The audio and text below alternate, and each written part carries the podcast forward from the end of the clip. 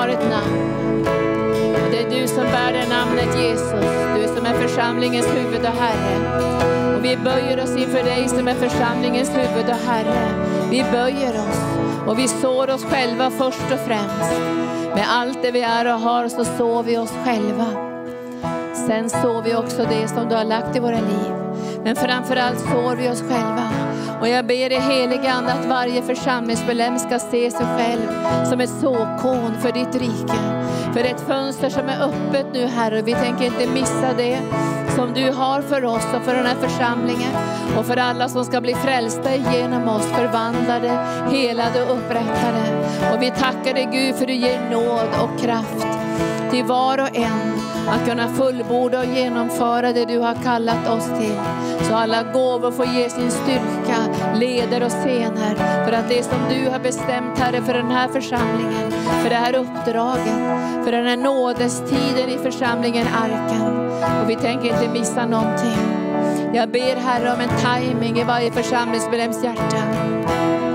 Att förstå tider och stunder, att kunna koppla ihop och samverka. Vi ber Herre att allt som har varit trögt och begränsat, som har hållits tillbaka, det böjer sig. För det är en ny tid i anden. För det som du har för oss och för hela landet och utöver världen. Och vi tänker vara med här i den stora skörden, när vi kastar ut näten. Och de kommer att bli fyllda med fisk. Och vi kommer att se, Herre, drömmar och visioner. Och kallelsen som du har gett oss Herre, gå till sin fullbordan. Men det är inte genom någon människas styrka eller kraft ska det ske, utan genom min ande säger Herren. Och vi har inte tänkt gå ner till Egypten för att söka kraft och makt och slipa våra och våra svärd i fiendens läger. Utan vi ber att du ska slipa våra svärd. Du ska slipa, slipa äggen i våra svärd. För de ska inte slipas i fiendens läger. De ska slipas genom den heliga Ande. För vi har ett andligt uppdrag. Och det kan inte göras genom naturliga medel och på naturliga sätt. Och därför måste vi få våra vapen både smidda och slipade genom Herrens dyra och heliga Ande. Och jag ber dig Gud att var och en idag som är här, var och en som är hemma och ser oss via internet ska känna igen det flöde som just nu finns närvarande genom den heliga Ande. Och jag ber dig heliga Ande, du ska verka i var och en. Det är ett skeende just idag, så var och en ska beröras, mötas, förvandlas, helas utrustas. Så jag ber dig helige Ande, hjälp varenda församlingsmedlem och varje gäst idag att ge sitt gensvar och öppna sig för det som du gör just nu. I Jesu Kristi Nazarens namn. Nu tillber vi kungen, vi tillber församlingens Herre. Vi är här, varje söndag är vi här för att ha liksom en, en fest skulle man kunna säga. Där vi firar det Herren har gjort genom våra liv under veckan. Och jag känner i min ande att vi kommer att ha väldigt mycket att fira i dagar som kommer. För Gud kommer att använda dig och mig och oss tillsammans på ett underbart sätt. Och du kommer att känna att du bara längtar efter att komma till församling för att fira med de andra och dela med de andra. Och Gud har använt dig individuellt på arbetsplatsen, genom hemgruppen. Och sen kommer vi samman för att känna igen skeendet i den heliga Ande. Alltså vi ska samverka med det som Gud gör i mötet och känna igen det. Alltså vi känner igen det. Vi är inte åskådare, vi är inte på, på en konsert, utan vi är för att känna igen det Gud gör i anden. Känna igen det. Vad gör Gud i mig? Vad gör Gud i dig? Hur kan jag gensvara till det som Gud gör? Och hur kan vi gensvara tillsammans till det som Gud gör ibland oss? Kanske vi skulle ta, eh, kan i den här sången, vi står på helig mark och vi har änglar överallt. En väldigt enkel liten sång. Men jag känner att Gud ska öppna våra ögon också så att vi förstår vår tid och vi förstår vad vi är som inlämnade i för slags planer som Gud har. Och jag hörde att pastor Gunnar hade liksom tappat all kraft förra söndagen. Och, och det var precis, ja, det var vid sista mötet jag hade, eller i Amerika då, det var det sista mötet som, som jag var med på då. Och, um, jag, var ju, det var, jag fick väldigt mycket nåd när jag var i, i, i, i Tampa, för jag fick ju också undervisa tre gånger i deras bibelskola och möta deras elever. Och så fick jag också vara med och känna hur det kändes att ta upp en kollekt en av kvällarna. Och, eh, men jag var ju mycket där för arken, var mycket där för mig själv. Jag var, jag var där för att kunna se hur jag, ville, jag tittar efter saker, jag, jag, är väldigt nyfiken också, men jag fick ju möta allt, jag fick gå igenom alla saker som de hade där och alla teamen och alla ledare och se hur de bevarade smörjelsen. Ibland kan man tänka att när det är sån väldig frihet i den heliga Ande så pumpas vattnet ut överallt. Men att se också kanalerna, se hur, man an, hur smörjelsen flödar genom kanaler, hur man noggrant på något sätt bevarar det här vattnet också. Det var intressant att se. När vi sjunger nu så jag känner, när vi, när vi har ett möte så här så vill ju Gud göra någonting. Hur vi kan samverka med den heliga Ande och känna igen. Så Gud får göra de saker han vill göra så vi är öppna för den heliga Andes beröring. En del känner att de behöver gråta, en del behöver skratta, en del kanske bara får dricka från Guds ande. Men Gud gör olika och vi samverkar med det som Gud ska göra som en kropp. vi ber att det här ska bli levande för oss. Och vi sjunger, om ni kan den här sången. Så sjunger vi, vi står på helig mark. Och vi ska sjunga till kungen, till Jesus. Så vi kommer samman för att fira kungen. Vi kommer samman för att ära kungen. Och jag känner det här, det här är något som ligger i anden just nu. Och när Gunnar då predikade om visionerna och, och, och, i arken och såg någonting i anden så var jag ju på det sista mötet där i, i, i Tampa. Och då plötsligt så, jag hade sett, jag såg i anden flera gånger, eller framförallt starkt en gång att den här lokalen skulle fyllas med människor. Och jag såg att bibelskolan skulle bli större. Jag såg det. Jag bara höll det i mitt hjärta. Och sen så tittade pastor Rodney på mig från plattformen och så sa han, I can see in the Holy Spirit, your place will be filled with people. Arken kommer att bli full med människor. Och så sa han, jag såg in the spirit, jag såg i anden hur bibelskolans antal elever bara kommer att öka. Ett verk av den heliga ande. Det är ingen människas styrka eller kraft det här ska ske. Utan det är genom den heliga Ande. Och det är därför tror jag att vi är inne i en tid så vi får en större känslighet i den heliga Ande för att samverka med det som Gud gör. För vi står på helig mark. Och ibland tror jag att eh, man tänker så här, står vi på helig mark, är det så noga? Det var en sak jag såg i Tampa som också grep mitt hjärta. Det var ju väldigt långa möten. Vi kan stå kvar väldigt långa möten. Jag började bibelskolan klockan nio på morgonen. Hade jag en bibeldel i deras bibelskola. Och redan klockan åtta var lovsångarna där och, och tränade. Så var det klockan nio hade jag bibelskola. Klockan tio började mötet och det höll på till klockan två.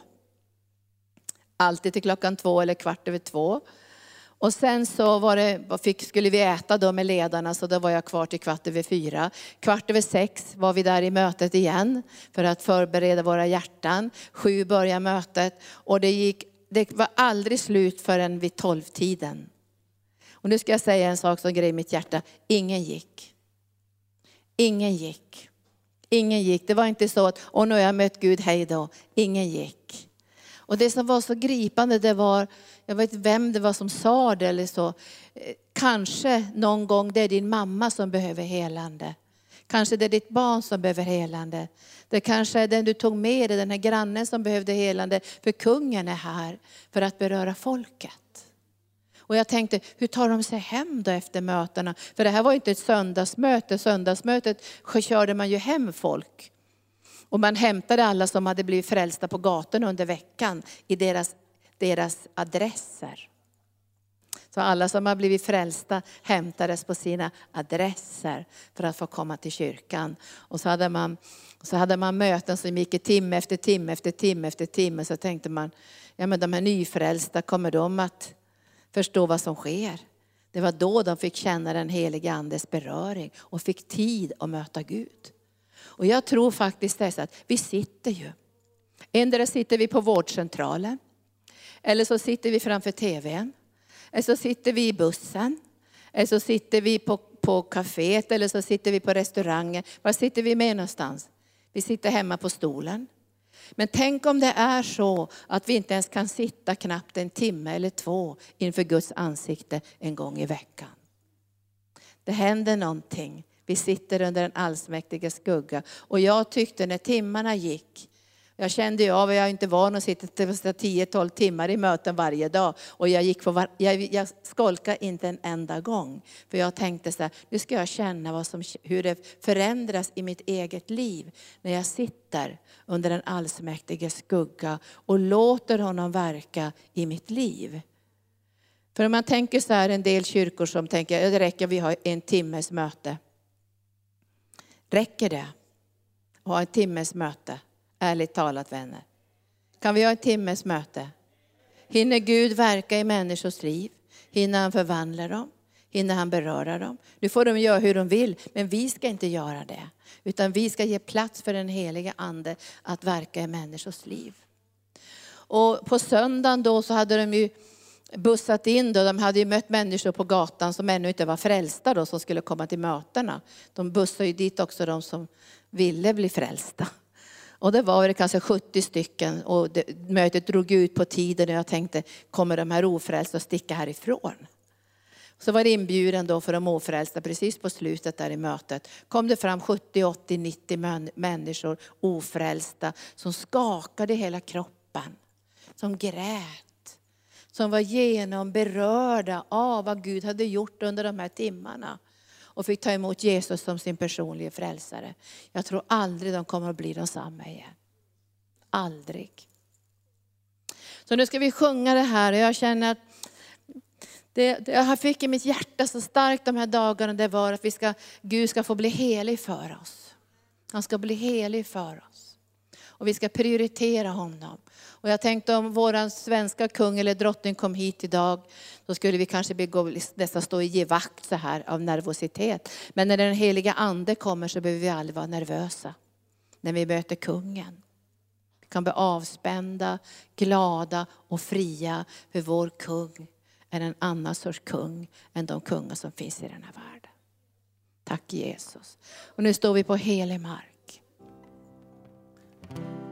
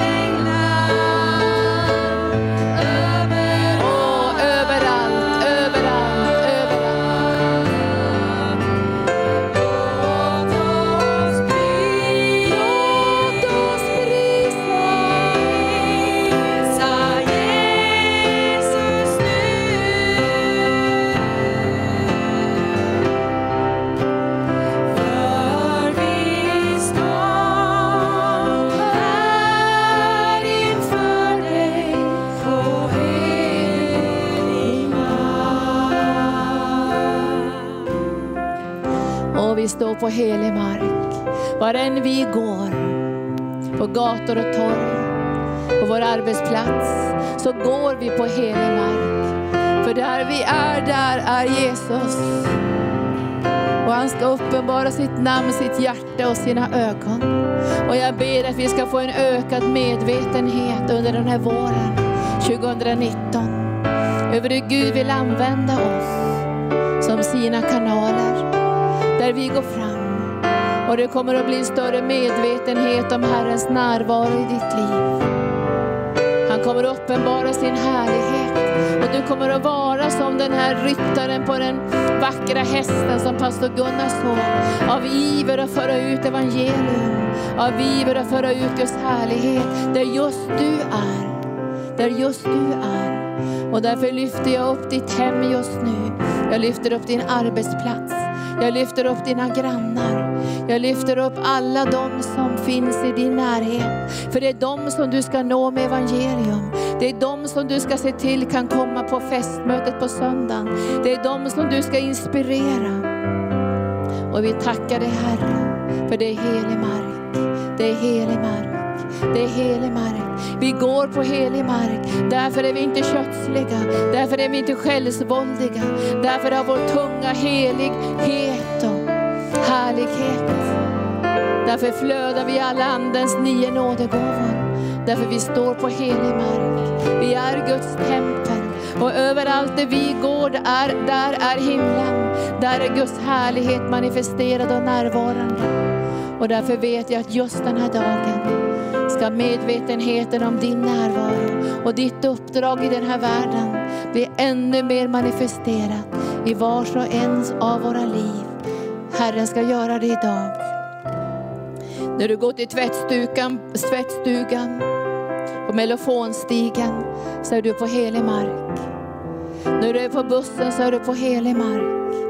När du är på arbetsplatsen, på sjukhuset eller bland de äldre eller i skolan, då är du på helig mark då är Jesus där för att uppenbara sitt hjärta, sitt namn och sina ögon.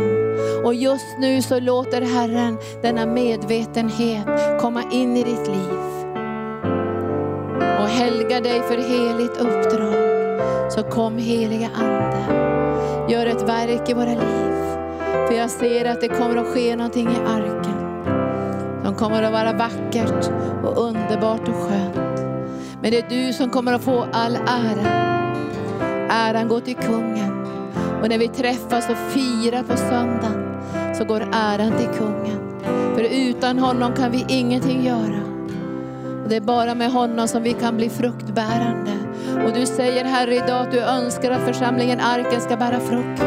Mycket frukt så att du blir förhärligad. Men utan dig kan vi ingenting göra. Och därför ska du rensa undan allt som inte har burit frukt. Allt som har tärt på församlingens arbete. Allt som har tärt i våra egna liv. Det ska du rensa bort. För det ska bli utrymme för din underbara Ande.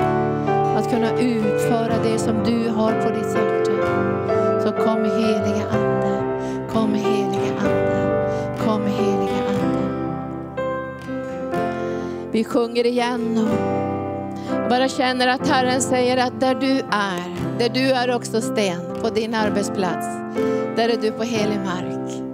Och jag tror att du kommer att se det här ännu tydligare från idag, att du är på helig mark.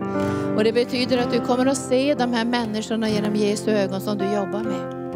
Du kommer att se behoven, smärtan, att de är ofrälsta och du kommer att få dörrar och öppningar in i deras liv. Och du kommer att se till att de är här på söndag. Tack Jesus. Vi sjunger igen.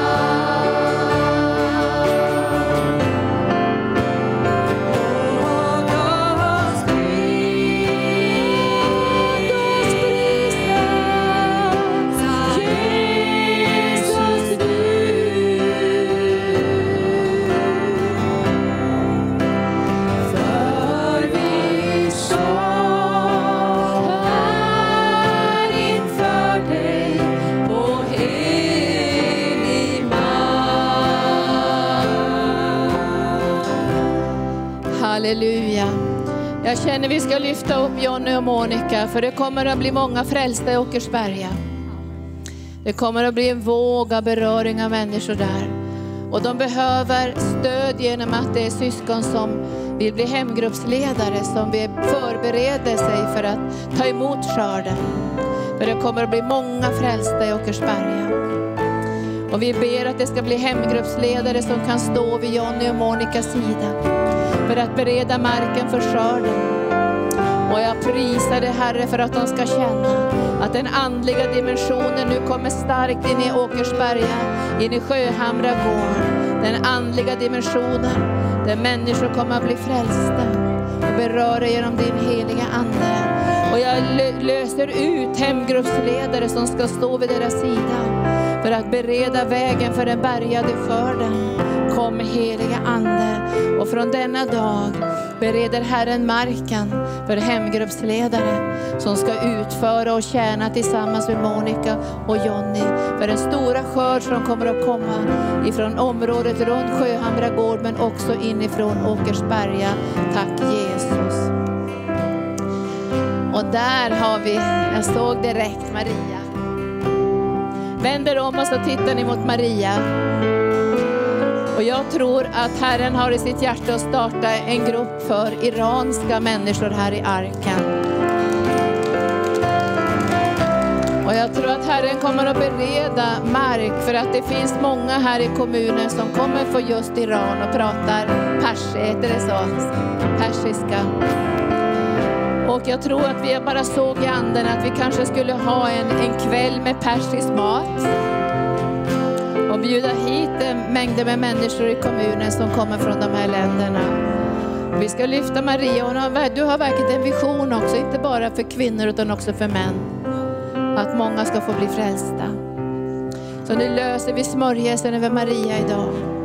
För det ska bli en grupp som ska dra till sig både människor, både män och kvinnor från Iran som ska bli frälsta. Och jag ber att den helige Ande rustar dig nu Maria, för det som du ska utföra genom församlingen Arken. Och jag tackar dig Herre för en ny smörjelse, flödar över hennes liv den här dagen. Och du kommer att få de verktyg du behöver, de samarbetsmänniskor du behöver för att kunna gensvara det som Gud har lagt i ditt hjärta. Och det hastar, ja det hastar, ja det hastar, ja det hastar, ja det hastar, ja det hastar. Och jag smörjer dig, jag smörjer dig för det uppdrag du bär inom dig. Det ska komma snabbt för Herren säger det hastar, det hastar, det hastar, det hastar, det hastar. I Jesu namn, i Jesu namn. Tack Jesus. Halleluja, tack Jesus, tack Jesus. Så var med och be också, för jag kan känna i anden att det kommer att hända saker i Rinkeby. Det kommer att hända saker i Tensta. Jag känner också någonstans Jakobsberg, eh, Kallhäll. Och det behövs förberedas för hemgrupper. Att vi börjar bedja ut hemgrupper.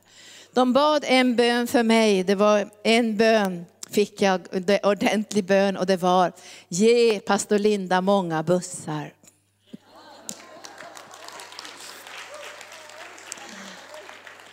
Ja, jag tänkte så här att det är precis det jag har i mitt hjärta. Det behöver inte vara jättestora bussar, men det kan vara din egen bil som får vara en buss.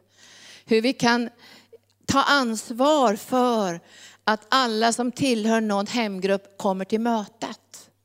Alltså det kommer att lösas ut en, en kärlek som gör vi är säkra på att alla de som behöver komma hit kan ta sig hit på olika sätt.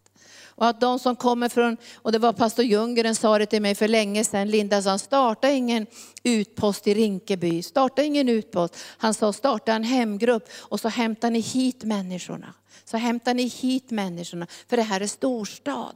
Starta ingen utpost i Bro eller någonstans, utan se till att du får hit människorna. Se till att det finns kanaler för hämtning och för kärlek, så att människor kan komma till den stora celebration. Därför här i arken har vi fått en väldig nåd att få så här stora lokaler. Och när vi öppnar här uppe så kan vi väl få in flera hundra där och flera hundra där. Om vi öppnar där så kan vi få in flera hundra där, eller kanske inte flera hundra, men ganska många. Men vi kan öka på ganska mycket. Så därför kommer vi inte att starta liksom stora utposter på olika ställen. Vi kommer att starta hemgrupper, små grupper som kan ta ansvar för de människor som finns i grupperna. För ibland i arken har vi stora hemgrupper och det kanske kommer tio stycken på hemgruppen fast det tillhör 20 stycken i hemgruppen. Det ska inte vara sådana längre. Utan de som är i hemgruppen ska vara i hemgruppen. Och är det någon som är sjuk så, så får man åka till den och bedja. Men att det ska vara hemgrupper som är hemgrupper. Där de som är i hemgrupperna får träna och flöda i den heliga Ande. Där var och en har någonting att ge. Där, där man får dela från sitt hjärta, där man får ta emot betjäning, förbön, omsorg. Och där det också finns en ström dit människor kan komma som ännu inte är frälsta och blir berörda av Gud. Det är väl någonting. Och därför kommer det bli många, många, många, många, många, många, många små hemgrupper som är fungerande. Som är en cell i en kropp som fungerar för att kroppen i sin helhet ska fungera. Så ta det här till ditt hjärta och börja bedja. För det här måste vara ett verk av den heliga Ande. Därför att hemgruppen måste vara attraktiv. Det måste kännas, jag längtar till hemgruppen, där bryter Guds ande fram. Där kommer Guds ande i ett flöde. Där får jag del av visionens hjärta. Där får jag känna att jag är viktig för Gud. Där kan de gåvor som jag har i mitt liv komma till sin rätt i den här hemgruppen. För det måste ske någonting i hemgruppen innan det kan bli ett flöde i den offentliga funktionen i församlingen. Så var med och be för det och var med och be för de där bussarna och bilarna. Och, och jag, jag, frågade dem så här, men hur gör ni då när de är ute i alla möjliga områden, långt ifrån Eh, församlingshuset. Alltså det, de är på massor, massor, massor med ställen, långt, långt, långt, flera mil från, från kyrkan. Så de har sina eh, olika outreach där de når människor, delar ut mat, allt vad de gör då för att nå människor med evangelium. Men, men jag tänkte, tänkte, hur gör ni då? Och då sa de, då tar de adresserna.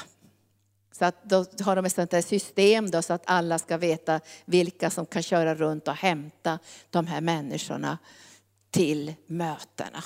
Och det var väl någonting jag kände, det här, det grep mitt hjärta hjärta. Det var inte bara att man ville få dem till möten, utan det var kärleken till de här människorna. Och jag frågade, samlar ni inte upp dem på olika busshållplatser? sa jag. Nej, så vi åker hem och hämtar dem på adresserna. Och då tänkte jag, då behövs det många bussar, då behövs det många bilar, då behövs det många skåpbilar och då behövs det många mopeder eller vad man nu kan ha i de här länderna för att hämta alla de här människorna att få komma samman och fira Jesus. Visst är det vackert? Så, så att fortsätt att be över det här. Be vi det, ska, det ska startas många, många, många fler hemgrupper och vi kommer att nå ut med evangelium till människor. Men vi ska låta den heliga ande få verka. Och det viktigaste är att den heliga ande får verka på dig och mig i våra liv. Så jag ska ta, dela någonting ifrån Guds ord lite grann idag. Och jag tänkte jag ska börja Uppenbarelseboken 22 som handlar mycket om mönsterbilden. Alltså, så att när man tittar i Bibeln så märker man att det finns mönsterbilder. Att saker och ting måste ske i enlighet med mönsterbilden. Alltså det måste vara det är en mönsterbild som betyder att någonting är givet genom den heliga ande som ska genomföras. Inte med mänsklig kraft, inte med egen kraft, inte med, med någon slags tekniker eller så, utan genom den heliga ande. Och jag har ju fått ett uppdrag och jag känner att jag vill vara ledd av den heliga ande i mitt uppdrag. Men mitt uppdrag är inte separerat från er. Men det blir separerat om inte ni låter det ledas av den heliga ande. Det som pastor Gunnar har kommer att bli isolerat om inte ni leds av den heliga ande så Gud kan samordna oss i det som han har på sitt hjärta. Visst är det här vackert? Alltså vi kan bli små isolerade öar av frustration. Därför vi vill göra så många saker. Men, men vi läser av den heliga Ande i det som Gud har lagt i våra hjärtan och den nåd som vi har fått ifrån Gud. Och när du gör det och jag gör det, då kan den heliga Ande sammanfoga oss och samverka i våra liv så att det som man har i sitt hjärta kan bli gjort. Och det här märkte jag tydligt när jag läste om Moses. Han hade ju försökt i egen kraft när han var i Egypten, kommer ni ihåg det? Han såg ju förtrycket av sitt eget folk. Och jag tror att du och jag kommer att få våra ögon öppnade så att vi ser förtrycket. Alltså det fruktansvärda förtrycket som sker just nu genom mörkrets makter och onda andar som plågar, river sönder människor utöver vårt land, eller hur? Han visste ju inte så mycket om det för att han hade blivit adopterad. De hade ju lagt honom i den här korgen, ni vet ju den historien, hur han togs upp i faraos hus egentligen som ett barn, som en son. Och så började han se förtrycket. Och då står det ju att han tog den här kraften från sin egen arm och dödade en egyptier. Och det gjorde ju att han fick fly från Egypten. Och i 40 år fick han leva ganska sparsamt eller enkelt kan man säga i främlingsland. Där han, där han vallade en annan mans jättar. Och han, han gifte sig där också.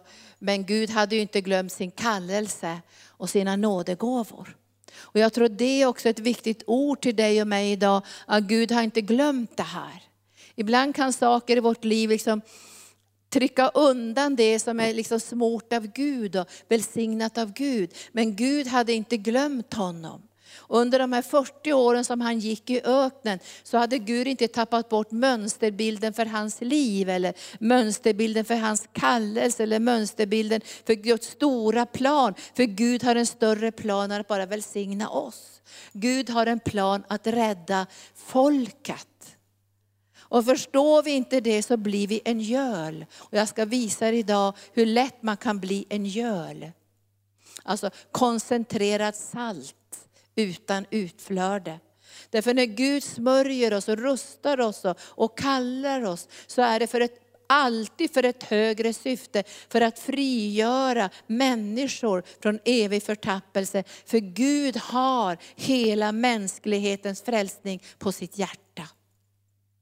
Och när vi bevarar ropet från skörden så kommer vi inte att bli en göl. Många församlingar idag är gölar. Det är en klubb för inbördes beundran kan man säga. Det blir nu hela du mig, jag hela dig och ge mig ett profetord så ska vi göra det härligt här. Det blir en göl. Och en göl kan bara användas i saltberedning. Men vi ska aldrig bli en göl. Inte du och jag och inte församlingen ska inte bli en göl. Men efter 40 år hade han ju tappat sin röst. Kommer ni ihåg Moses? Han har tappat sin röst. Alltså han har tappat den här förmågan. Och det kan hända att han behövde göra det också, för han kanske var stor i orden, men liten på jorden. Så han fick tappa sin röst för att Gud skulle kunna ha sin röst genom honom. Då fick han tappa sin röst. Det är ganska hemskt det där när man tappar sin röst, när man kläs av. När man får en upplevelse att jag har ingen egen kraft någon längre. Jag har inget eget, jag är totalt beroende av Gud. Och där säger ju Moses sen i Hebreerbrevet kapitel 11, han tyckte att, att lida med Guds folk var en större rikedom än alla Egyptens skatter. Har ni läst det? Visst är det starkt? Och så vet ni berättelsen om den här brinnande busken och, och han hade tappat sin röst och, och, och, han fick bara en liten stav i sin hand. För nu skulle han inte ha den mänskliga kraften, nu skulle inte ha den mänskliga förmågan. Nu var det inte retoriken i vältaligheten längre, utan det var det Guds kraft, Guds härlighet och Guds närvaro. Om det är någonting som vi längtar efter i den här församlingen så är det det. Visst är det det? Vi längtar efter det. Och skulle du känna idag så här, men jag har bara en liten stav i min hand, det räcker. Det gör skillnad på de här ormarna. När Moses kastade sin stav så blev den en stor orm, ni vet i faraos hus. Men, men de här eh, spåmännen, och, de kastade ju också sina stavar. Och det blev fullt med ormar på golvet. Men vilken orm var den starkaste ormen? Det var Mose orm. Den slukade alla siarnas ormar och det är namnet Jesus. Så den här mönsterbilden som han fick sen när han skulle bygga tabernaklet, nu kommer jag till mönsterbilden. Det är ganska gripande att han efter 40 år i, he, i det här hedmarken där han vallade sina får, kunde vara så trofast mot mönsterbilden. Har ni tänkt på det? Gud gav, tog honom på berget och sa, så här ska du bygga tabernaklet. Exakt så här. Och han gav färgerna, han gav formerna. Han sa så här ska det inredas, så här, ska, så här ska det vara med guld och silver, så här ska det vävas, så här ska skinnen se ut. Och Gud gav honom alla de han behövde smorda.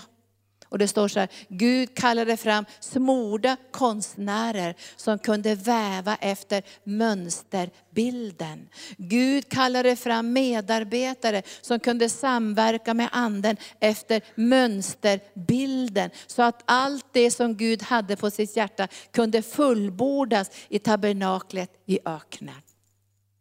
Och då läser jag nu från Uppenbarelseboken 22. Det här handlar om himlen. Och han visade mig en flod med livets vatten klar som kristall, som går ut från Guds och Lammets tron. Det vatten som ska flöda ut från församlingen, från våra liv, ska utgå från Guds och Lammets tron. Alltså det måste utgå från det övernaturliga flödet i den heliga Ande. Och då behöver du och jag lägga ner vårt eget. Alltså jag tror att det är nödvändigt. Och ibland måste vi vara så nakna så vi bara står med en träkäpp i handen. Ibland måste vi vara så nakna så vi bara har den lilla oljeflaskan kvar. Därför allt som Gud ska göra genom våra liv måste vara övernaturligt. Det måste utgå ifrån Guds och Lammets tron. Där ska vattnet utgå ifrån. Och jag tror, får du göra det här i församlingen Arken, så kommer Gud ha all ära. Då kommer Gud att kunna välsigna dig. Ibland har jag sett att det hålls tillbaka välsignelser. Därför att all ära skulle kanske inte gå till Gud på det sättet som han skulle önska. För äran måste gå till Gud. Och jag tror att när vi ser det här, och jag tror vi kommer att se det ännu tydligare under 2019, så kommer Gud att välsigna dig. Han kommer att välsigna, om du har ett företag kommer han att välsigna dig. Det kommer att bli ett överflöd. Han kommer att välsigna dig privat och personligt i ett flöde på mängder med områden. Kanske du får vara med och väcka upp döda. Kanske du får vara med och få se kraftfulla mirakler. Då vet du, och du kommer ihåg vad jag sa idag, vattnet utgår från Guds och Lammets tron och Herren kommer att få äran. När vattnet utgår ifrån Guds och Lammets tron kommer det att påverka allt i arken. Det första som kommer att påverka sig är förkunnelsen och lovsången. Den kommer att samverka med varandra.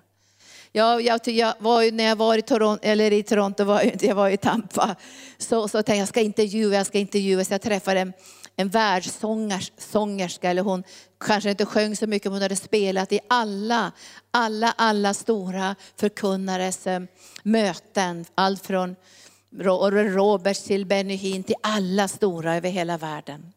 Och jag satt med henne på, vid middagen och pratade med henne och jag tänkte, jag måste fråga fråga, hur kändes det att flöda med den? Hur var anden? Hur flödade anden i förkunnelsen? Hur samarbetade du med förkunnarna så att det som Gud hade på sitt hjärta skulle komma fram? Så jag intervjuade henne. Såg du hur Benny Hinn flödade? Märkte du vilka nådegåvor som skulle flöda genom hans liv? Hur samarbetade du med anden för att just det som han hade på sitt hjärta skulle komma fram? Och jag frågade och frågade och frågade, när du, när du sjöng för Kenneth Copeland, hur, hur var hans smörjelse? Hur kände du igen den? Hur kunde du samverka så det som Gud ville ha fram i förkunnelsen, i mötet kunde, kunde liksom lösas ut? Och jag intervjuade och jag intervjuade, för jag visste att när vattnet flödar från Guds och Lammets tron måste det bli en samverkan.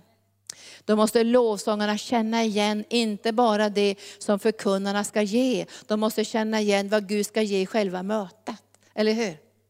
Alltså det måste kännas igen. Vad har du tänkt att ge idag? Är det många ofrälsta här idag? Är det många sargare här idag? Är det många som behöver utrustning här idag? Behöver till exempel Maria bön för att starta den här gruppen? Är det något som måste ske, någon kontaktyta? Och då samarbetar lovsångarna med skedet och med förkunnelsen och orden. Därför ni vet ju vad vi ska predika redan innan vi predikar. För det kommer Gud att ge till er, eller hur? Ni kommer att veta om det, för Gud har ingen hemlighet så. Jag frågar aldrig Gunnar vad han ska predika, jag frågar Gud vad han ska predika. För jag vill ha det direkt från Gud. Och alltid ha, så att säga, nej men nu Gunnar, nu predikar du precis det jag skulle predika, eller predikar precis det som Gud gav till mig och la i mitt hjärta. För det blir en samverkan i den helige Ande, så Gud kan få igenom det som han har på sitt hjärta. Och det är samma med förebedjarna, de vet redan innan vad som ska ske. Så Tetting berättade för mig när hon var ute med Reinhard Bonke, så åkte de ut två veckor innan han var ute på fältet. Och så gick de på fältet i två veckor och bad på fältet tills de såg alla som skulle bli helade. Till de såg alla miraklerna. Till de såg vad förkunnelsen skulle ge för någonting under själva mötena. Så de hade redan förberett allting. Så när Bonke kom så fanns redan de i anden som skulle få miraklerna och bli helade. Så när pastor Bonke kunde stå på plattformen och predika, då kunde också miraklerna börja ske i de människor som var längst bak bland hundratusen människor, kunde lyfta upp sina rullstolar och springa fram och berätta att Gud hade helat dem. Och jag tror att där kommer det att bli en ny våg av förebedjare. Vi har fantastiska förebedjare här, men det kommer att byta en högre nivå. Så det blir en samverkan i det som Gud ska göra. Och vi ser ju redan nu att de som är i bön en timme innan här, vårt möte, de får exakt det som, som Gud vill göra under det här mötet. De fångar upp profetiskt. Och de hade ju fångat upp de här orden som pastor Gunnar predikade i söndags. Det hade de redan fått där inne i bönerummet innan mötet. För Gud håller på att samverka någonting så vi ska se att vi alla är delaktiga i det som Gud håller på med. Det finns en mönsterbild. Halleluja. Och den här mönsterbilden som jag ska ge er nu, det är ju det här vattnet som utgår ifrån Guds och Lammets tron. Det är inte från min tron, det är inte från din tron, det är inte från våra duktigheter, inte från våra utbildningar. Det är från Guds och Lammets tron. Och jag, jag kände så här, Gud, jag vill känna att jag kommer in i en vila i min ande. Så Gud får utrymme för det som han vill göra. Och då måste vi ge tid till Gud. Jag menar, jag, var, jag är inte van att sitta 12 timmar i ett möte. Och jag kände ju av att mina ben klarar inte riktigt av det där långa, men det kan man ju be över. Men jag kände att jag vill stanna kvar, jag vill stanna kvar, jag vill, stanna, jag vill se vad Gud gör när vi stannar kvar. Och jag såg hur det gick ibland en timme, det hände ingenting. Och så gick det en och en halv timme och så plötsligt började det hända någonting. På en sida i mötet började några skrika och gråta. Och jag såg att det var väldigt mycket smärta, mycket sorg som kom upp i människors liv. Och jag såg hur Herren helade. Sen började det verka någon annanstans, där det var någon som började skratta jättehögt. Och då bara löste Gud ut en glädje i den människans liv. Så Gud fick liksom samverka på olika sätt i möte, för han hade många saker som han ville göra. Och ändå tyckte jag där i Tampa att de var vana vid de här smörjelsemöten. Och det är ju vi också på sätt och vis vana vid smörjelsemöten. Men, men om vi ska vara i andra sammanhang där man inte är van vid smörjelsemöten, så tar det tid innan Gud får börja verka i människors liv, eller hur? Det kan man inte fixa fram, nu tar vi 20 minuter och nu ska ni öppna upp. Utan det funkar inte så. Utan Gud måste få göra sitt verk. Och en del kanske inte ens kan öppna sig första gången i mötet. Behöver komma kanske tre gånger innan de kommer till den här platsen där Gud kan göra något i deras liv. Men vattnet utgår ifrån Guds och Lammets tron. Och all ära ska få gå till Jesus. Så när du kanske får, får ta emot kanske hundratusentals kronor så kommer vi inte bli avundsjuk. För vi kommer veta att det har utgått ifrån Guds och Lammets tron. Om du får vara med och väcka upp döda, om mirakler sker på gatorna när du vittnar, kommer vi inte att bli avundsjuka. För vi vet att du vet att det har utgått ifrån Guds och Lammets tron. Och du kommer att komma hit på söndagen och vi kommer att ha celebration. Vi kommer att få glädjas tillsammans över hur Gud har använt oss. För vi ska inte bli en göl och användas till saltberedning. Det utgår ifrån Guds och Lammets tron. För mitt på stadens gata på båda sidor om floden står livets träd. Uppenbarelseboken 22. Där står livets träd. På staden, vid stadens gata på båda sidor om floden står livets träd. Det bär frukt tolv gånger varje månad, ger det sin frukt. Och trädets löv ger läkedom åt folken. Och ingen förbannelse ska finnas mer. Guds och Lammets tron ska stå i staden och hans tjänare ska tjäna honom och de ska se hans ansikte och bära hans namn på sina pannor. De ska se hans ansikte och bära hans namn på sina pannor. Och det är ett ord jag tror Herren vill säga till oss idag. Vi ska aldrig skämmas för evangelium. Och jag tror att du ska försöka få människor frälsta på en gång. Alltså inte tänka nu väntar vi och ser om en vecka eller två. Utan sätt din tro idag att människor ska bli frälsta på en gång. Alltså när du vittnar om Jesus och berättar om Jesus, ställ nästa fråga. Får jag be för dig? Så att du kan få ta emot Jesus som din frälsare. Det, det kommer att ta emot när du säger så. Det tar emot. Men gör det. Och skulle de säga då, ja men jag tror inte jag vill ta emot nu, okej då tar vi det nästa gång. Då tar vi det nästa gång. Men, men tänk inte så här, nu ska jag vittna och så ska jag vittna en gång till och så ska jag vittna 25 gånger så får vi se om någon vill bli frälst. Utan säg, ta det på en gång. För det kanske är den korta tiden för dem, de kanske aldrig får en till möjlighet. Det kanske är slut. De kanske dör på kvällen. Så försök att, det här vet jag är jobbigt. Därför det tar emot, för vi är inte vana vid det här. Men att om vi skulle ta ett beslut idag, att vi ska, vi ska ställa den här frågan. Får jag be för dig att du tar emot Jesus som din frälsare? Och så kan du ställa en fråga, är det något annat du vill att jag ska be för ditt barn eller något annat i din, i din livssituation? Men försök att föra dem väldigt snabbt till Gud. Och så frågar du efteråt, behöver du hjälp så kan jag ta med dig till mötet, till vårt hem. På Arke, jag kan hämta dig. Om, du, om jag får möjlighet så kan jag hämta dig till det här mötet. Att vi får snabbt till det här. Och jag tror att om vi som församling, bara idag, skulle under den här veckan vittna för två, som du får med nästa söndag. Vet du att den här lokalen är proppfull då? Att vi kan sitta och drömma om någonting som ska komma om 10-15 år, men vi kan förändra allting på en vecka. Vet ni det? På en vecka kan vi få en total förändring på en vecka. Och vilken glädje. Om vi säger att vi får in här 150 människor som, har tagit, som kanske har tagit emot Jesus eller vill ta emot Jesus och som kommer hit. Tänk om vi skulle få alla dem, för jag pratade med förskolan och de sa, ja det är många av de här barnen som är i förskolan vars föräldrar inte är frälsta. Det visste jag om.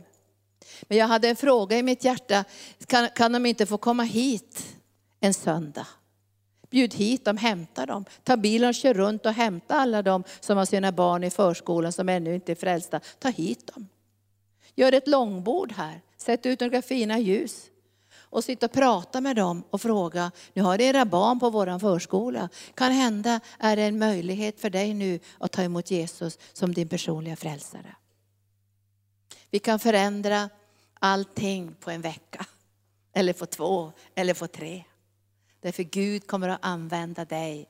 För vattnet som flödar genom ditt liv, det kommer inte från universitetet. Det kommer inte från en liten kurs som du har gått på. Det kommer inte från något som du har tränat. Det kommer ifrån Guds och Lammets tron. Och därför finns det ingen begränsning. Och jag läste här att, att vi ska se hans ansikte och bära hans namn. Vi skäms inte ett ögonblick för Jesus. Alltså vi ska inte skämmas för Jesus. Och vi ska inte skämmas för att nämna hans namn även i situationer bland människor som kanske av, av, inte vill att vi ska prata om Jesus eller vi får ett motstånd och så. Evangelium har inga gränser och evangelium måste utgå ifrån dig och mig. Så är det. Och Gud kommer att ge idéer, han kommer att ge inspiration, han kommer att ge vägledning, han kommer att ge kreativitet. Så att du och jag kan få se hur människor blir förvandlade och frälsta. Nu läste jag Uppenbarelseboken här och så tänker jag, ja men det är väl underbart i himlen. Men nu ska du få Hesekiel 47 idag. Som är orden där himmel och jord möts. Himmel och jord måste mötas. Och i Hesekiel 47, jag önskar att du skulle läsa Hesekiel 47 den här veckan. Läs hela kapitlet, för det handlar om Uppenbarelseboken 22. För det här vattnet måste in i den här världen. Och när jag var ung så så frågar jag Gud, hur ska det här vattnet komma in i världen? Hur ska det kunna bli träd som bär frukt varje månad? Hur ska trädens löv kunna tjäna till läkedom för folken här i världen? Därför att det räcker ju inte att det finns i himlen. Det är mönsterbilden. Det är mönsterbilden hur en levande församling ska fungera i Uppenbarelseboken 22. Där vattnet ska utgå ifrån Guds och Lammets tron. Där vi ska se Herrens ansikte, där vi ska bära hans namn på vår panna. Då syns det ju. Nu talar jag inte om att du ska tatuera in namnet Jesus på pannan. Men jag ska säga det, om du bär hans namn på din panna, då syns du. Om du bär hans, din, hans, hans namn på din hand eller på din fot eller gömd någonstans. Men om du bär hans namn på din panna, jag lovar att du syns på sjukhuset, på skolan, på gatan. Du syns därför du bär hans namn på din panna. Och i Sekel 47, så då sa jag här, hur ska det här vattnet komma in i världen Gud? Hur ska det här vattnet kunna flöda in i den här torkade, mörka världen? Och då sa Jesus, det har flödat in genom Jesus sår och sida. När Jesus dog på korset så stack man i hans sida och blod och vatten strömmade ut. Så Jesu blod har strömmat ut i den här världen till frälsning för alla människor. Och det levande vattnet har flödat ut till alla människor. Och nu ska vi titta på det här, det val vi kan göra och att vi behöver fiskare. För överallt där det här vattnet flödar så blir det sunt. Så står det, det blir sunt. För om det vattnet inte får flöda så blir det inte sunt. Alltså det blir osunda kristna människor som är osunda, som är blandade med världen och det egna och annat. Alltså vi blir osunda. Har du känt någon gång du känner dig osund? Alltså det är uppblandat. Du, du har ingen lust och det, ingen, det, det, fungerar inte. Men det vattnet flödar blir det sunt. Det måste ju bli absolut först och främst sunt i ditt och mitt liv och sen ska vattnet ut och det ska bli sunt. Och för att och när bli, om vattnet nu blir sunt där ute så måste det ju komma fiskare. Alltså det måste vara fiskare som fiskar där vattnet börjar bli sunt. Så måste fisken tas upp.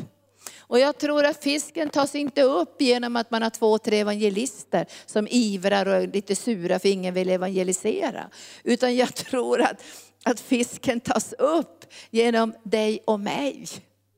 Sen kommer Gud att avskilja evangelister som får hålla reda på saker och fortsätta att rusta. Men, men skörden måste tas upp genom dig och mig. Och vi har olika fiskekrokar olika beten som Gud har lagt in i våra liv för att nå just den plats efter floden där du är ställd och satt genom den heliga Ande. Jag kan inte vara det du är och du kan inte vara det jag är, för floden är lång. Men vi har satts på olika platser för att fiska. För när vattnet flödar fram blir allting sunt och fiskarna börjar röra sig i stim. Tycker ni om STIM? Nu ska vi se här vad Herren säger i kapitel 47. Han förde mig tillbaka, så Hesekiel, till husets ingång och där fick jag se vattnet rinna fram under husets tröskel på östra sidan. Alltså vattnet rann fram under tröskeln. Och sen står det, eh, det står det, jag kan inte läsa allting, men det står att vattnet kommer från tempelkällan. Alltså det kommer ifrån Guds och Lammets tron. Alltså det är högheligt. Det tillhör Lammet. Och jag, jag, bara kände idag att när vi kommer till en plats där vi börjar förstå det här, då kommer Gud att använda oss mer och mer i mirakler. Då kommer hans härlighet, då blir ingen avundsjuk och ingen kommer jämföra sig med den andra. För all ära går till Lammet. För vattnet kommer från Guds och Lammets tron. Och det vi har känt över 2019 det är att vattnet kommer att höjas. Och det är fyra höjningar. Först så är det fötterna. Tusen alnar, fötter går till fötterna. Och när det går till fötterna så kan det bli ganska mycket trampat. Alltså det trampas ju väldigt mycket där man går med fötterna.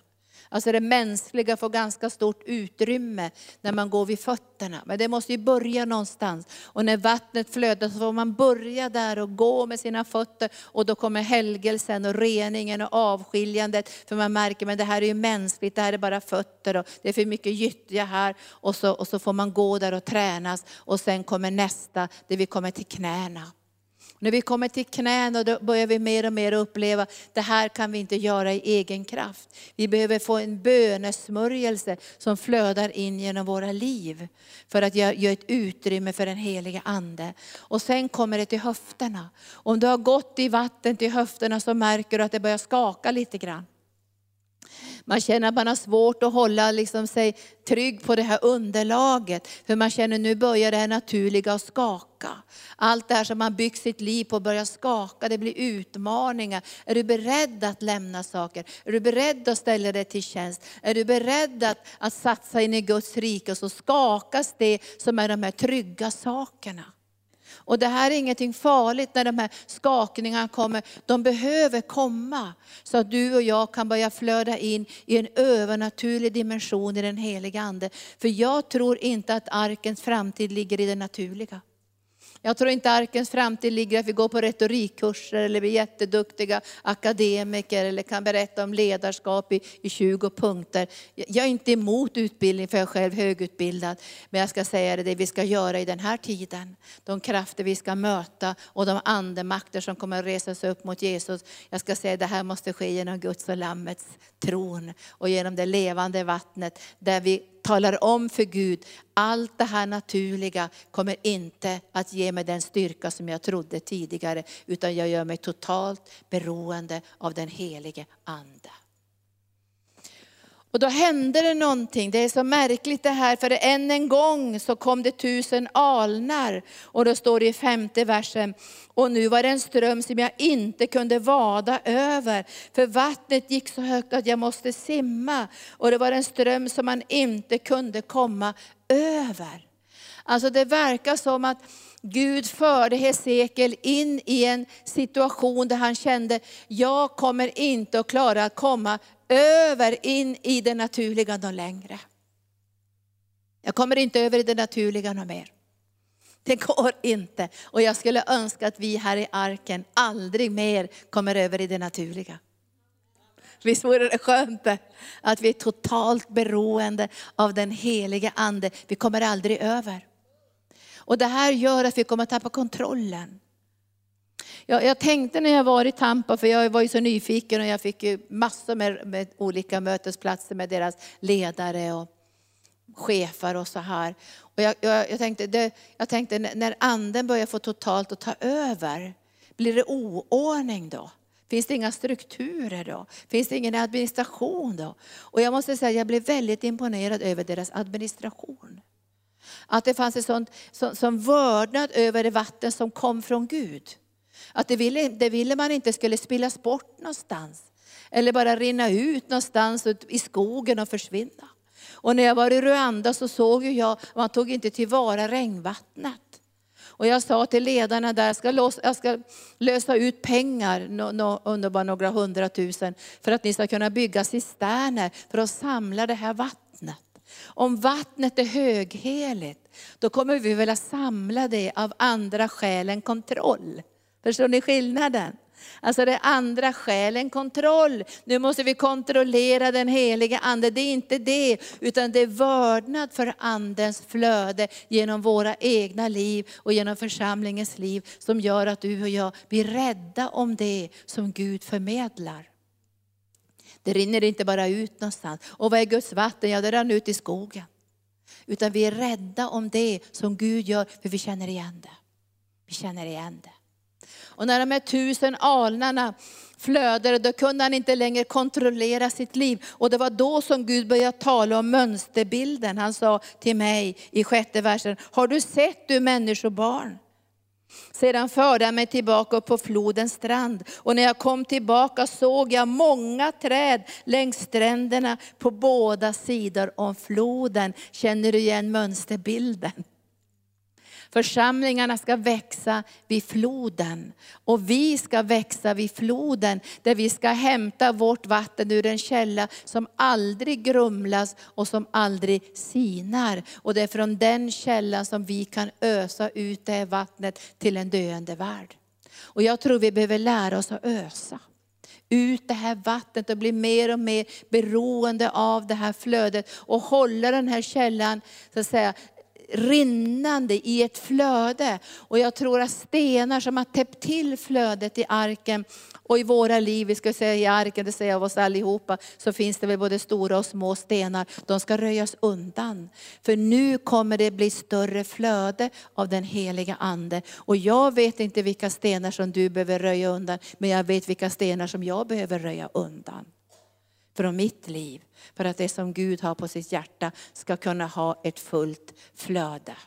Och så står det så här, han sa så här, det var på båda stränderna så var de här träden som växer upp och detta vatten rinner fram mot östra delen av landet och nu flyter ner över hedmarken och sen ut i havet. Vatten som bröt fram rinner till havet och vattnet blir då sunt.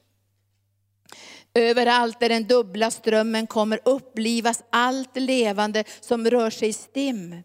Och fiskarna där blir talrika, för när detta vatten kommer dit blir vattnet sunt och allt får liv där strömmen rinner fram. Och fiskare ska stå ut med den från Engedi till ända en till El Elgiasim. Och hela den sträckan ska vara som ett enda fiskeläge. Kan du se det? Ett enda fiskeläge. Alltså allt här, Kungsängen, Bro, var än ni bor ska vara ett enda stort fiskeläge. Och du ska stå där med ditt metspö eller din, din, din, ska säga, ditt lilla nät och du ska vara en fiskare. För Gud kommer att bereda plats just för dig. Nu talar jag inte om att åka till Nepal och Indien och till Vitryssland. Jag talar om den plats där du har blivit ställd den platsen fiskar du. Och jag tror att många av oss säger, det här är mitt fiskeplats. Här är mitt ställe, här ska jag fiska. Och sen står det så här, och där, där finns det fiskar av olika slag och en stor mängd alla som i stora havet. Lyssna elfte versen, men de gölar och dammar som finns där blir inte sunda utan ska tjäna till saltberedning. Och där det inte finns ett utflöde från våra liv och från vår församling, så börjar vi mer och mer bli en göl. Och jag har ju varit och tittat på Döda havet. Det tjänar inte till något annat än till smink. Eh, de, de har, får ju ha sån här, gör massor med Döda havprodukter. Och för en, man ska bli snygg och rynkfri. Och, ja, har ni tittat på Döda havet? Det blir torrare och torrare och det här saltet liksom, det kommer upp mer och mer och mer och mer. Och det blir mer och mer död. Men det finns ett löfte, vet ni det? Att det ska bli en öppning och vattnet ska strömma genom Döda havet och det ska bli sunt. Det ska bli sunt. Och därför tror jag själva smörjelsen kommer att lösgöra också många församlingar här i Sverige genom den heliga Ande. Det kommer att bli öppningar. Så att det som är, har blivit en göl som inte har något flöde längre. Och, och där, därför att när det inte blir något flöde längre, då blir man introvert. Då börjar man slicka såren. Då börjar man titta på såren, då blir det en osund helande tjänst. Det finns en sund helande tjänst, där man blir läkt och upprättad av Gud. Men det finns en osund helande tjänst som är en göl. En liten göl där man liksom stannar i en liten grupp och vi är så nöjda med det vi har och vi är så glada över det vi har och vi, vi, vi slickar nästan varandras sår. Jag ska säga, när sår möter sår, vad händer då? Infektion. Men när sår möter konungens sår, vad blir det då? Läkedom, tack Jesus. Och helande får inte bli en göl.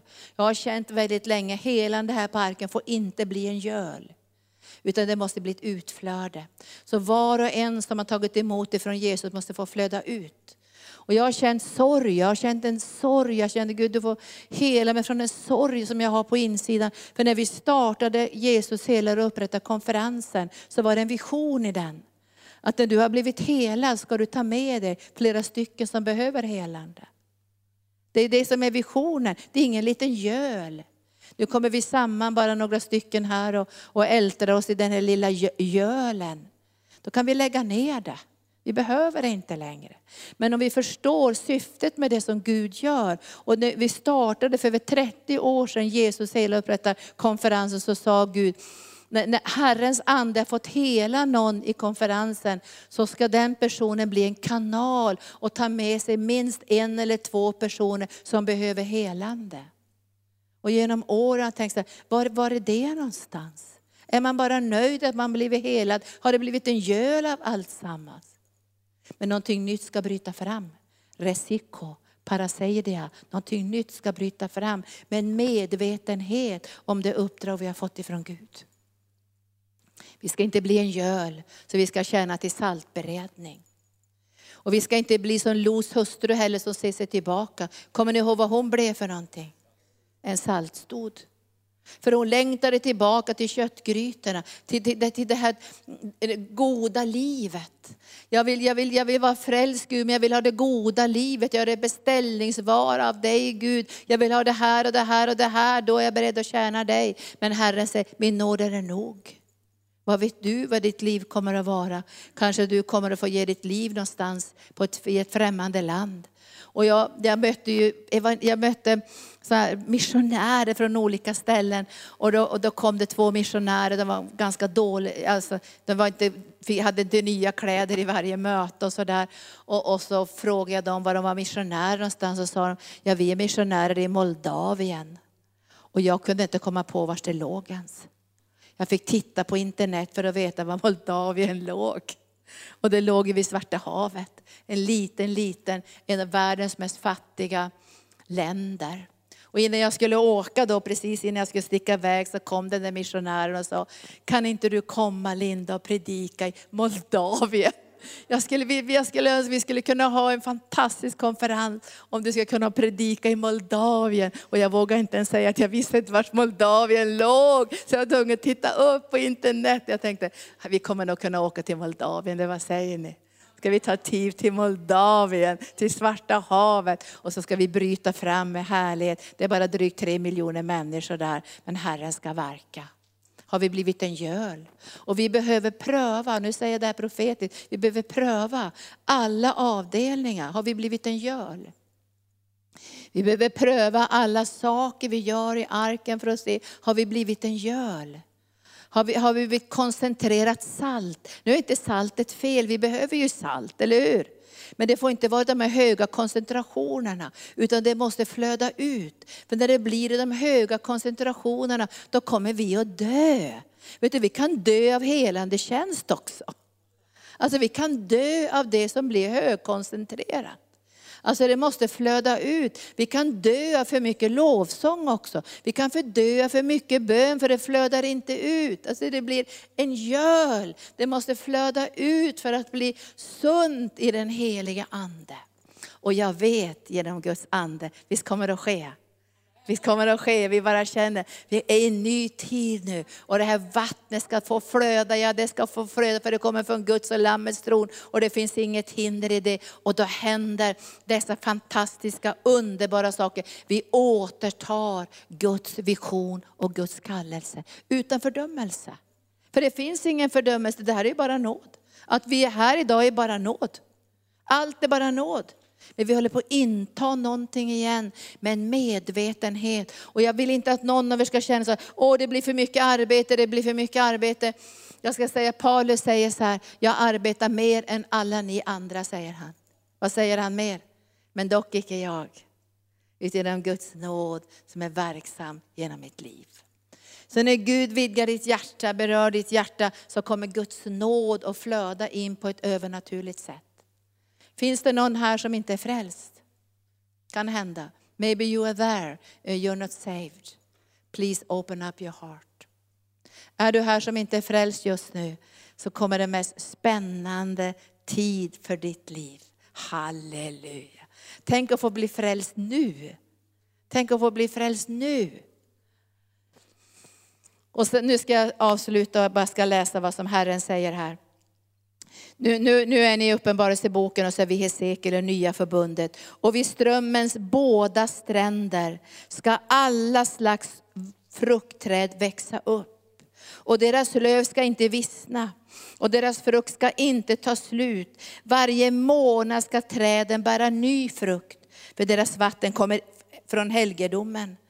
Och deras frukter ska tjäna till föda och deras löv till läkedom. Halleluja. Den dubbla strömmen. Vi ber lovsångarna komma upp och så låter vi bara den heliga ande få, få verka i våra liv. Gud tycker om salt, han säger att vi ska saltas med eld. Och saltet måste vara väldigt kraftfullt för att inte världen ska trampa ner saltet. Så vi behöver salt. Men det får inte bli en saltstod och det får inte bli en göl utan det måste bli ett utflöde. Och, och, vi ber nu om det här medvetna utflödet av den heliga Ande. Så att det som vi har fått ifrån Gud inte stelnar till. För Rots hustru hon blev en saltstod, det stelnade till. Det var inte flexibelt längre. Och jag har bett mycket i arken att det ska vara flexibelt. Vi planerar ju mycket i arken. Och jag frågade dem i Tampa, hur planerar ni? Ja, vi planerar, jag såg att de hade planerat hela 2019 var planerat redan. På jättestor anslagstavla var det planerat ända fram till december 2019. Och samtidigt så, så frågar jag så här, men, men vad gör ni om den heliga ande vill göra någonting annat då? Då gör vi det. Så, så det är inte högheligt och inte ha någon planering. Men det, man blir en saltstod om det inte finns en förmåga att förändra och lösgöra och följa den heliga ande. Och det önskar jag vi ska få tillbaka i arken. Jag har känt ett tag att det har varit liksom det kanske inte ni har känt, men man känner som ledare ibland att, att skulle Gud komma med en överraskning kanske inte vi skulle kunna ta emot den. Därför vi är inte beredda att få den här förändringen. Och jag tänkte när, när Rodney ville komma hit bara så här snabbt den här måndagen så visste jag att det skulle bli extra mycket arbete. Och vi, skulle, ja, vi var tvungna att komma hit på måndagen och göra saker. Men jag kände att det fanns en villighet i församlingen. Och det gladde mig otroligt mycket. Och jag fick en sån glädje inom mig att Gud skulle kunna överraska oss här. Att han skulle kunna sända hit någon som vi inte knappt visste vem det var, för han hade någonting speciellt till oss. Och vi skulle kunna bli flexibla och böjliga. En saltstod kan inte böja sig, den går sönder. Det brister. Och många ledare idag i, i Sverige och Norden vill inte ha den heliga ande, för de tänker så här, församlingen kommer brista sönder. Alla kommer att bli utbrända. Vi kan inte ha för långa möten, vi får ha högst en timme eller en timme och en kvart för att annars blir folk utbrända. Men jag vet ingen, ingen ska säga, fotbollsmatch som håller på en halvtimme. Har ni varit på någon sån? Har ni varit på någon krogrunda som ung som var en halvtimme? På min tid stängde de krogen klockan ett, nu stänger de klockan fem. Då vacklar de ur klockan fem. Jag har aldrig varit på någon film som är en halvtimme lång. Utan vi sitter ju, det händer ju saker. Men många ledare vågar inte det här för de tänker att hjälp då kommer församlingen gå sönder och det kommer bryta sönder i alla möjliga delar. Jo det gör det om vi är en saltstod.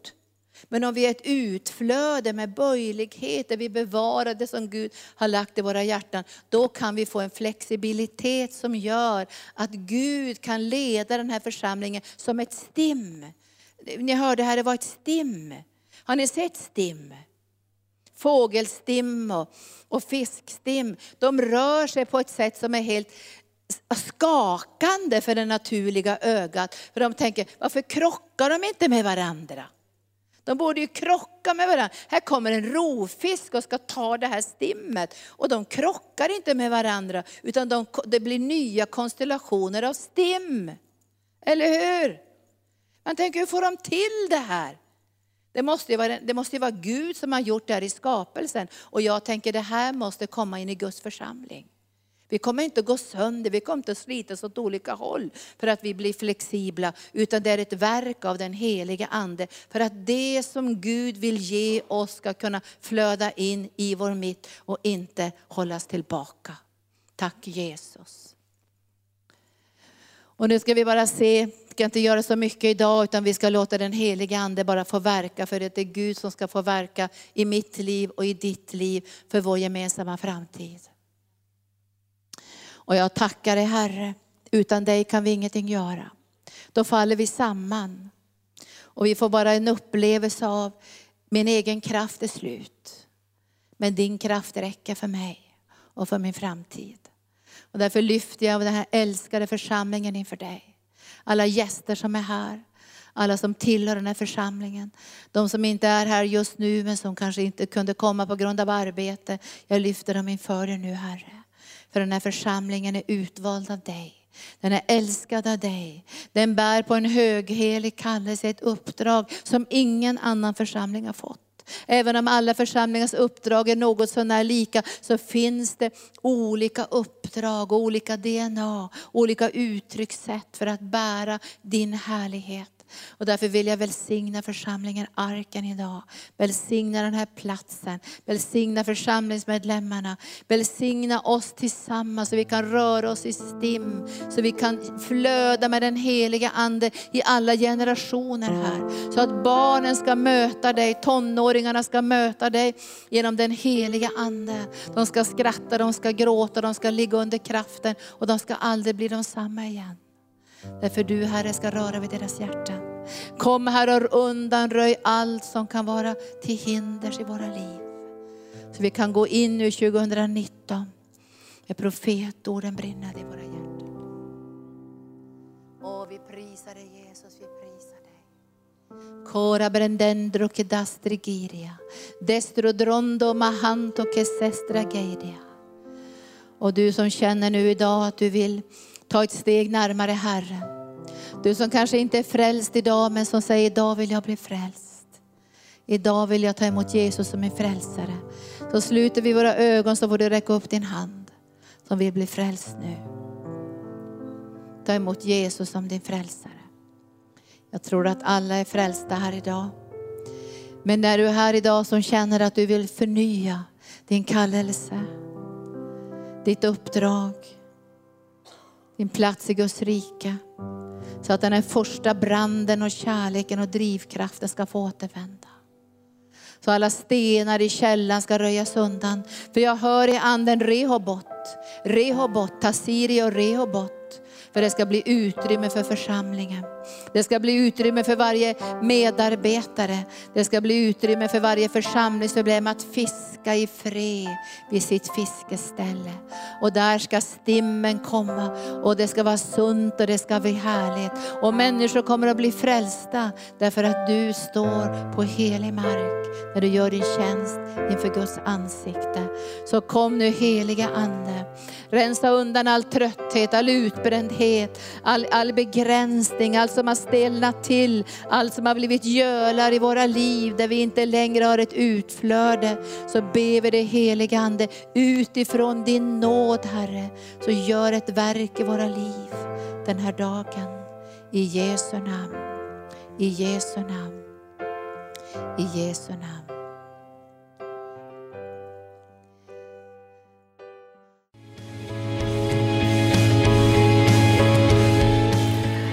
För att du har lyssnat. Vill du få del av mer information om församlingen Arken, vår helande tjänst, bibelskola och övriga arbete, gå in på www.arken.org.